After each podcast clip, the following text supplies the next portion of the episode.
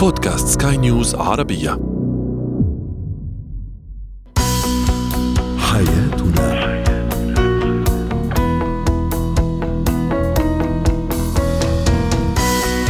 أهلا بكم مستمعينا الكرام إلى برنامج حياتنا برنامجكم اليومي الذي يعنى بشؤون الأسرة وباقي الشؤون الحياتية الأخرى والذي يمكنكم الاستماع إليه عبر منصة البودكاست لسكاي نيوز عربية. معي أنا طيبة حميد. نتحدث اليوم في هو وهي عن الشريك المخادع وفي زينة الحياة الحديث عن اضطرابات النطق لدى الأطفال ونسلط الضوء أيضا على اتيكيت اختيار وتنسيق الملابس.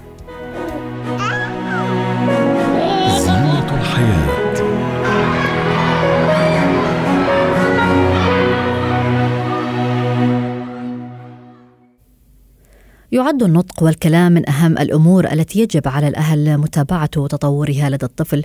فقد يعاني بعض الأطفال من وجود مشاكل واضطرابات في تطور اللغة والقدرة على النطق وفي هذه الحالة قد يحتاج إلى تدخل المختصين ومساعدة الأهل بالتالي ليستطيع الطفل تخطي هذه الاضطرابات والتخلص منها. فما هي أهم مشاكل اللغة واضطرابات الكلام عند الأطفال؟ هذا ما ستجيبنا عليه الاختصاصية النفسية والتربوية لما الصفدي. أهلا بك أستاذة أهلاً لما. معنا. يعني إذا أردنا وضع تعريف منطقي لاضطراب النطق والكلام ماذا نقول؟ آه، اضطراب النطق والكلام هو عبارة عن يعني مصطلح جدا كبير لأنه بيتضمن تخصصات وأسباب متنوعة وكثيرة جدا والعلم كل فترة يقوم باكتشاف أسباب متنوعة وعادات جديدة بالموضوع ولكن بالمحصلة هو عبارة عن إما تأخر النطق عند الأطفال أو وجود النطق ولكن بدرجات. إما تأتأة أو أحيانا تبديل في الأحرف التجديد على بعض الأحرف ال- التقيد ببعض الأحرف. فإذا هو عالم كبير يعني موسع جدا الحديث عنه كتفصيليا. ولكن باختصار الأكثر ما يشاهد من التجارب الواقعية هي تأخر الأطفال في النطق أو التأتأة عند الأطفال بعد عمر معين. هي أكثر حادثتين ممكن نشوفهم كتفصيلتين على أرض الواقع بما يخص تأخر النطق والكلام في أي مرحلة عمرية يمكن تمييز هذه الاضطرابات؟ آه هي السؤال اللي دائما ب- بنسأل ودائما آه، يعني بيكون في مخاوف عند الأمهات خصوصا من عمر السنة والسنة ونصف آه أولا لو كان الطفل كل مؤشراته الحيوية هي مؤشرات ممتازة وهي نقطة مهمة لكل أم نعم. اليوم تسمعنا شو المقصود بالمؤشرات الحيوية عند الطفل يعني الطفل إدراكه موجود هو يدرك ما هذا الشيء يدرك هذا كرسي طاولة طعام شراب. يعني هو مدرك لما يدور حوله. النقطة الثالثة التأكد من أنه سمع الطفل سليم عن طريق التجربة. لما الطفل بيكون يمشي أمامنا دائما سووا التجارب قوموا بمناداته من الخلف. فإذا التفت بسرعة فبالتالي السمع ممتاز. إذا لم يلتفت وفعلا تأكدتوا أنه في حتى لو ضعف في السمع فالمفروض من عمر السنة وحتى قبل عمر السنة نبدأ بإعطاء الموضوع أهمية وهي تجارب تبدأ من عمر السنة. نعم. النقطة الثالثة يلعب الوراثة دور. أحيانا لما يكون الأب أو الأم تأخر في الكلام فبنشوف الأطفال حتى هم أنفسهم بنفس العمر ممكن يتأخروا في الكلام حتى يتحدث الطفل. هل التأخر في الكلام هذا طبيعي؟ قد يحدث لأي طفل؟ تماما. طبيعي إذا لم يكن هناك أسباب يعني كبيرة مثل نعم. يعني طبيعي عندما يكون حتى أقصى حد عمر الأربع سنوات حتى من عمر الثلاث سنوات المفروض استشارة أخصائي نطق ولكن وبشرط إذا كان الطفل مثلا يقول بابا ماما كرسي يعني هو يقول كلمة ولكن لا يستطيع تكميل جملة لديه كل المدركات سليمة ممكن أن نعطيه فرصة حتى ثلاث سنوات نعم. ولكن في حالة هون خط أحمر لكل من يسمعني لو كان الطفل تخطى عمر السنة والنصف ولم يتلفظ بأي حرف أو أي كلمة أو أي حتى با اللي هو حرف الباء والألف يعني أول ما يتحدث نعم. به الأطفال فبالتالي لابد من عرضه على طبيب مختص لأنه حاليا في عدة أسباب ممكن يكون منها التوحد أحيانا أذية دماغية أحيانا مشاكل عصبية فلا بد من اطمئنان بأن الطفل بحالة جسدية ونفسية صحيح نعم طيب أستاذة لما يعني كما تحدثنا هذا الموضوع يعني آه، واسع ومتشعب ولكن صحيح. بالتأكيد هناك أشكال آه، متعددة من مشاكل اللغة والنطق بمعنى هناك مثلا مشاكل تعبيرية لا يستطيع فيها الطفل التعبير عن أفكاره أو مشاكل استيعابية هنا لا يستطيع فهم الكلام الموجه له هل هذه الأنواع كلها تدخل ضمن اضطرابات الكلام؟ يجب أن نركز عليها؟ آه، سؤال رائع. هون المفروض نعطي أهمية للجانب النفسي والاجتماعي. وشو المقصود فيه؟ بانه أحيانا الطفل نتيجة عدم وجود أطفال. نحن بنعرف كثير عائلات متواجدة يعني خارج بلدها فبالتالي ما في وسط اجتماعي ما في جد وجدة وأعمام. آه، اثنين ما في أطفال بيشوف حتى نتيجة حاليا يمكن كثير أمهات بيأيدوا الكلام.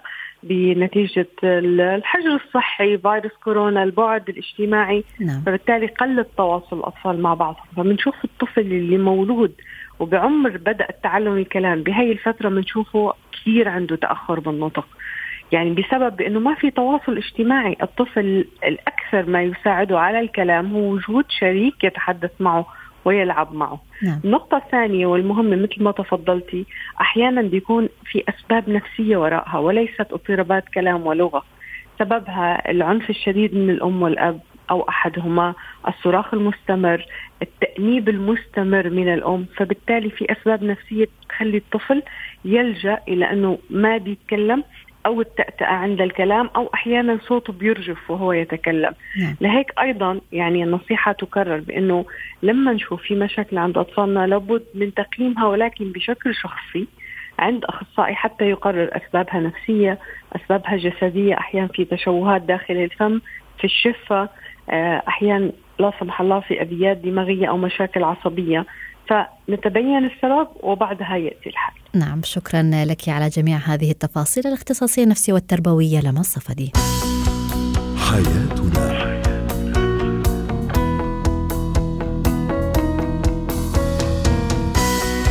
جديد أرحب بكم مستمعينا الكرام أنتم تستمعون لبرنامج حياتنا برنامجكم اليومي الذي يعنى بشؤون الأسرة وباقي الشؤون الحياتية الأخرى والذي يمكنكم الاستماع إليه عبر منصة البودكاست لسكاي نيوز عربية معي أنا طيبة حميد.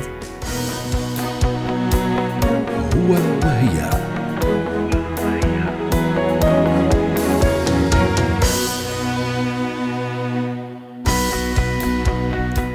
نتحدث اليوم عن الشريك المخادع ومن منا لم يمر عليه هذا الشخص أو لم يسمع قصة عن ارتباط شخص مقرب منه من شخصية مخادعة. الشخص المخادع قد لا نستطيع اكتشافه من اللقاء الأول أو التعامل الأول لأنه شخصية مراوغة تفعل كل شيء للحصول على ما تريد وقد يستخدم نقاط ضعف من حوله لتحقيق رغباته. فمن هو هذا الشريك وكيف نميزه؟ انطلاقا من هنا طرحنا السؤال التالي على مواقع التواصل الاجتماعي لسكاي نيوز عربية فيسبوك تويتر إنستغرام. هل باستطاعتك اكتشاف الشريك المخادع منذ البداية؟ وكيف؟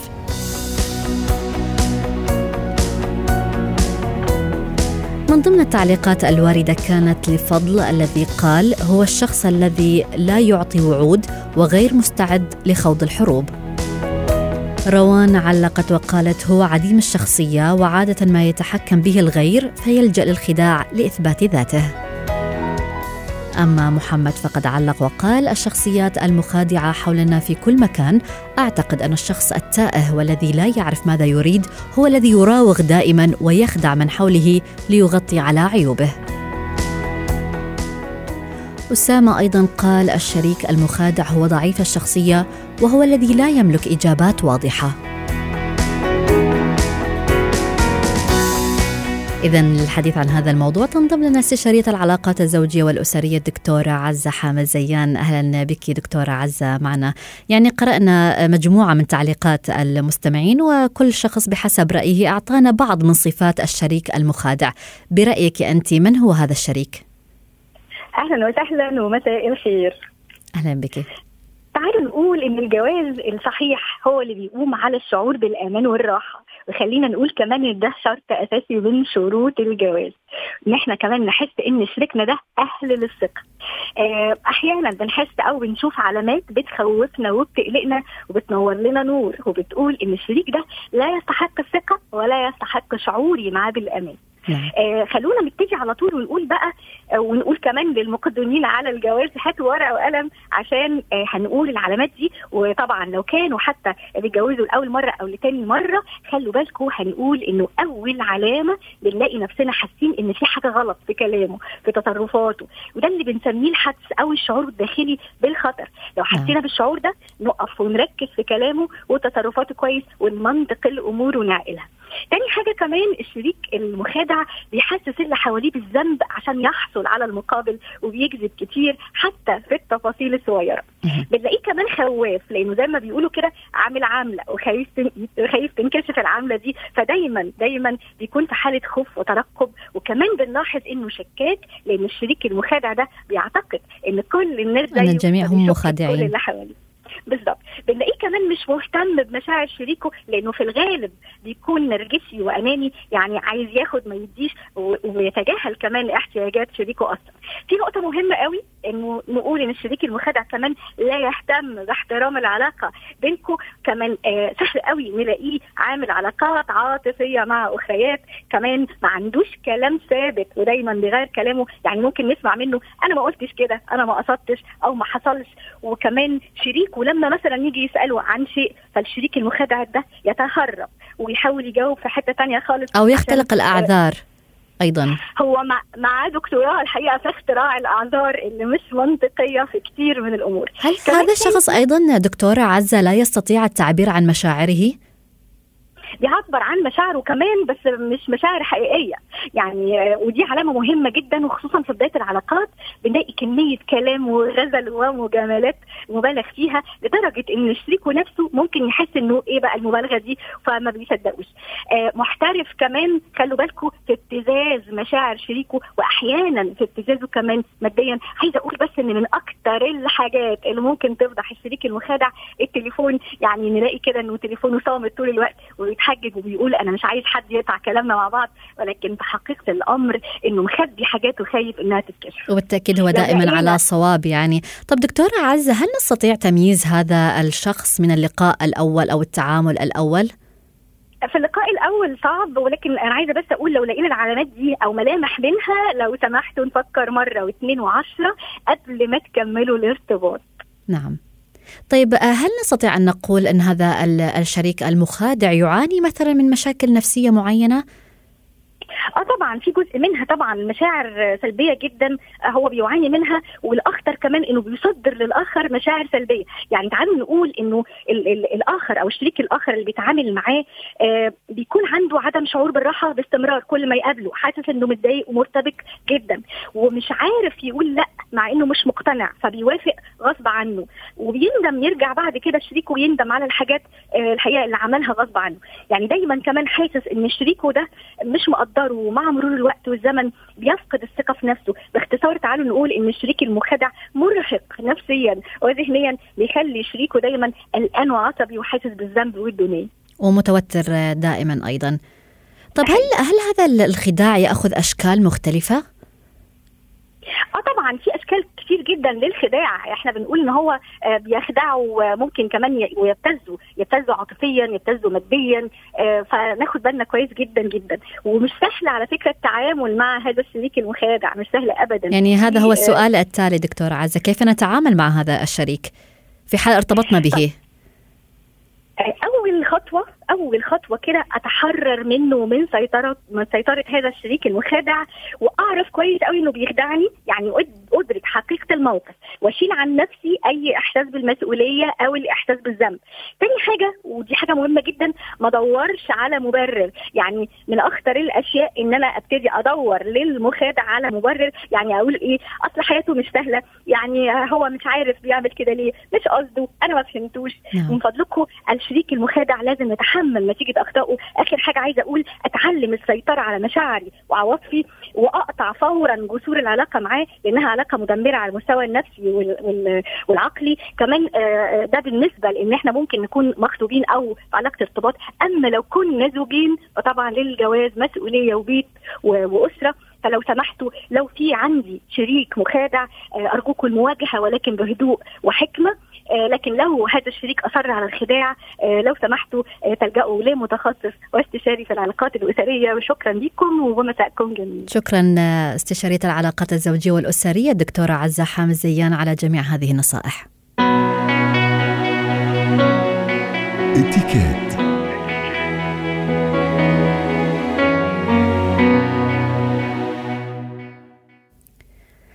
ارتداء الملابس تنسيق الألوان الخاصة بهذه الملابس في العمل أو المناسبات له قواعد وأصول تخضع لفن الإتيكيت. وذلك لأن مظهر الشخص هو مرآة تعكس الكثير عن شخصيته ومن منا لا يريد أن يوازن بين ما يعجبه هو وما يتقبله الناس من حوله. ولأن المظهر هو أساس تكوين الانطباع الأول عن أي شخص لابد اذا من الحديث عن القواعد الأساسية لاختيار الملابس. وعن هذا الموضوع تنضم لنا خبيرة الإتيكيت مارلين سلهب. أهلا بك. أستاذة مارلين معنا ضمن برنامج حياتنا. يعني بالتأكيد لا يكفي أن نرتدي الملابس الأنيقة من دون اتباع قواعد الإتيكيت الخاصة. إذا ما بدأنا الحديث عن الملابس المناسبة للعمل ما هو الإتيكيت المتبع في تنسيق واختيار هذه الملابس؟ إذا ما تحدثنا طبعا للرجل والمرأة. أكيد آه، اولا تحية لحضرتك. وللمستمعين.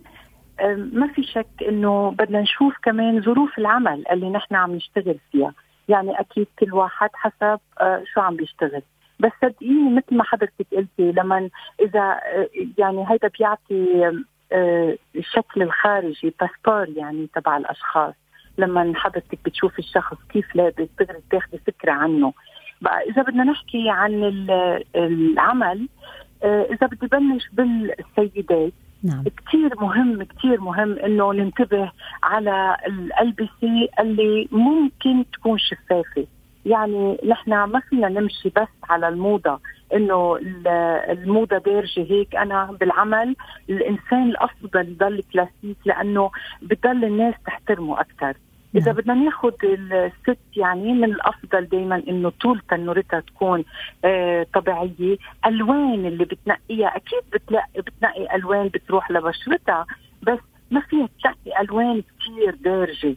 يعني إذا اليوم دارج الفوشيا وأنا بشتغل مثلا بنطاق آه شوي محدود بدي آه، اتبع ألوان الأبيض بدي اتبع الأسود بدي اتبع إذا تنورتي سوداء ممكن ألبس آه، قميص. تكون فيها نتفة ألوان بس ما ماشي يلهي ال- الأشخاص عن المضمون اللي أنا موجودة فيه. جميل. مشان هيك أغلبية الشركات صارت عم تعمل آه، costume بس برضه حتى بال costume إذا بتلاحظي طول التنورة كتير مهم. بالعمل من الأفضل نكون ال shoes تبعنا على طول مسكرة.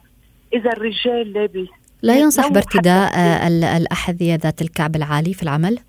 بالنسبة للنساء؟ لا ابدا. آه، مش كعب كتير عالي. اولا مشيتها بتكون للست غلط وهيدا بيلفت الأنظار. برجع بقول نحن ضمن نطاق العمل. نعم. لازم نلفت الأنظار لعملنا مش لشكلنا. كتير مهم اللي قلتيه. اولا بيعطي ضجة. نحن وماشيين وممكن نزعج كل الموجودين. وثانيا مشيتنا ما بتكون elegant يعني الإنسان بده يكون مرتاح ضمن نطاق عمله. بعدين مثلا إذا حضرتك حكيتي هلأ عن ال shoes من الأفضل إذا في آه اجتماع صغير تضل عندها الجاكيت الصغيرة اللي ممكن تحطها فوق ثيابها هلأ برجع بقول الالوان اللي بيروحوا لها بس هيدا ما بيعني إنه بدنا نطلع كثير عن الاسود ماذا أيضا عن ارتداء ال- الأكسسوارات آه، أستاذة مارلين؟ نعم. الأكسسوار أهم شيء ما يكون كثير office يعني هلأ بنعرف إنه نحن دارج الاشياء الكبيره بس إذا جسمك ما بيحمل إشياء كبيرة مش مفروض نعم. تحطيها وإذا حطيتي إشياء كبيرة ما لازم ينسمع لها صوت. وبعدين ما فيك تحطي اليوم لأنه دارج مثلا العقد الكتير كبير تحطيه بنطاق شغلك هيدي بدها تضل ضمن نطاق الموضة. قد إيه بنكون simple؟ قد إيه بنكون sobre؟ قد إيه بنكون أشيك؟ نعم. إن كان رجال أمكن أم أمسك. إذا دعينا نتحدث عن الرجل الآن. إذا بدي أحكي عن الرجال دائما إذا بدنا نحكي آه، formal يعني حضرتك عم تحكي عمل ولا بنحكي بالأشياء ال formal العمل مثلا. العمل العمل فيه يلبس آه، آه، قميص آه، آه، أزرق زهر أبيض بس على طول حتى لو لابس جينز من الأفضل ال shoes تبعه دائما يكون جلد. هيدا حسب ال- ال- الشغل اللي هو بيشتغله. هلأ إذا حضرته بيشتغل بأشياء للأولاد صغار ما راح يلبسهم بس عم نحكي عادة الأفضل دائما الرجال يكون لابس لون الكرافات ما تكون كثير ملونة ما. تلفت الأنظار. القميص إذا ممكن واذا إذا سمح كثير ينتبهوا على لون القميص وتكون أكيد بتروح مع جاكيت صغيرة. بعرف أيام صيفية والناس ما عم تلبس جاكيت بس إذا لابس تي شيرت الأفضل تكون تحت البنطلون مش فوق البنطلون ال shoes ال shoes كتير مهم كمان عند الرجال خصوصا بالعمل يضل على الألوان ال sobre الأسود هل يستطيع ارتداء اجتماع. الأحذية الرياضية مثلا في العمل؟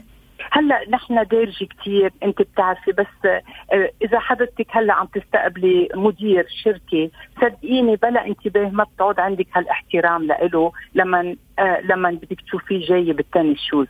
آه، ما في مجال. بده يضل لابس ال shoes تبعه. هلأ في يكون mocassin مرتب. يعني شيء بيريح. بس آه، ال- الاتيكيت بتقول قد إيه فينا نضل نحن محترمين الزبون اللي نعم. بده يطل عنا. نعم جميل.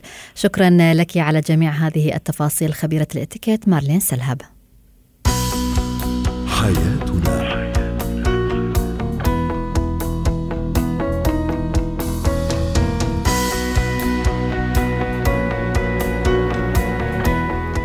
إلى هنا نصل وإياكم مستمعينا الكرام إلى ختام برنامج حياتنا. غدا حلقة جديدة ومواضيع مختلفة وأيضا سوف نطرح سؤال تفاعلي على مواقع التواصل الاجتماعي سكان نيوز عربية فيسبوك تويتر إنستغرام. شاركونا آراءكم حول هذا السؤال وسوف نناقش الموضوع بالتأكيد مع مختص.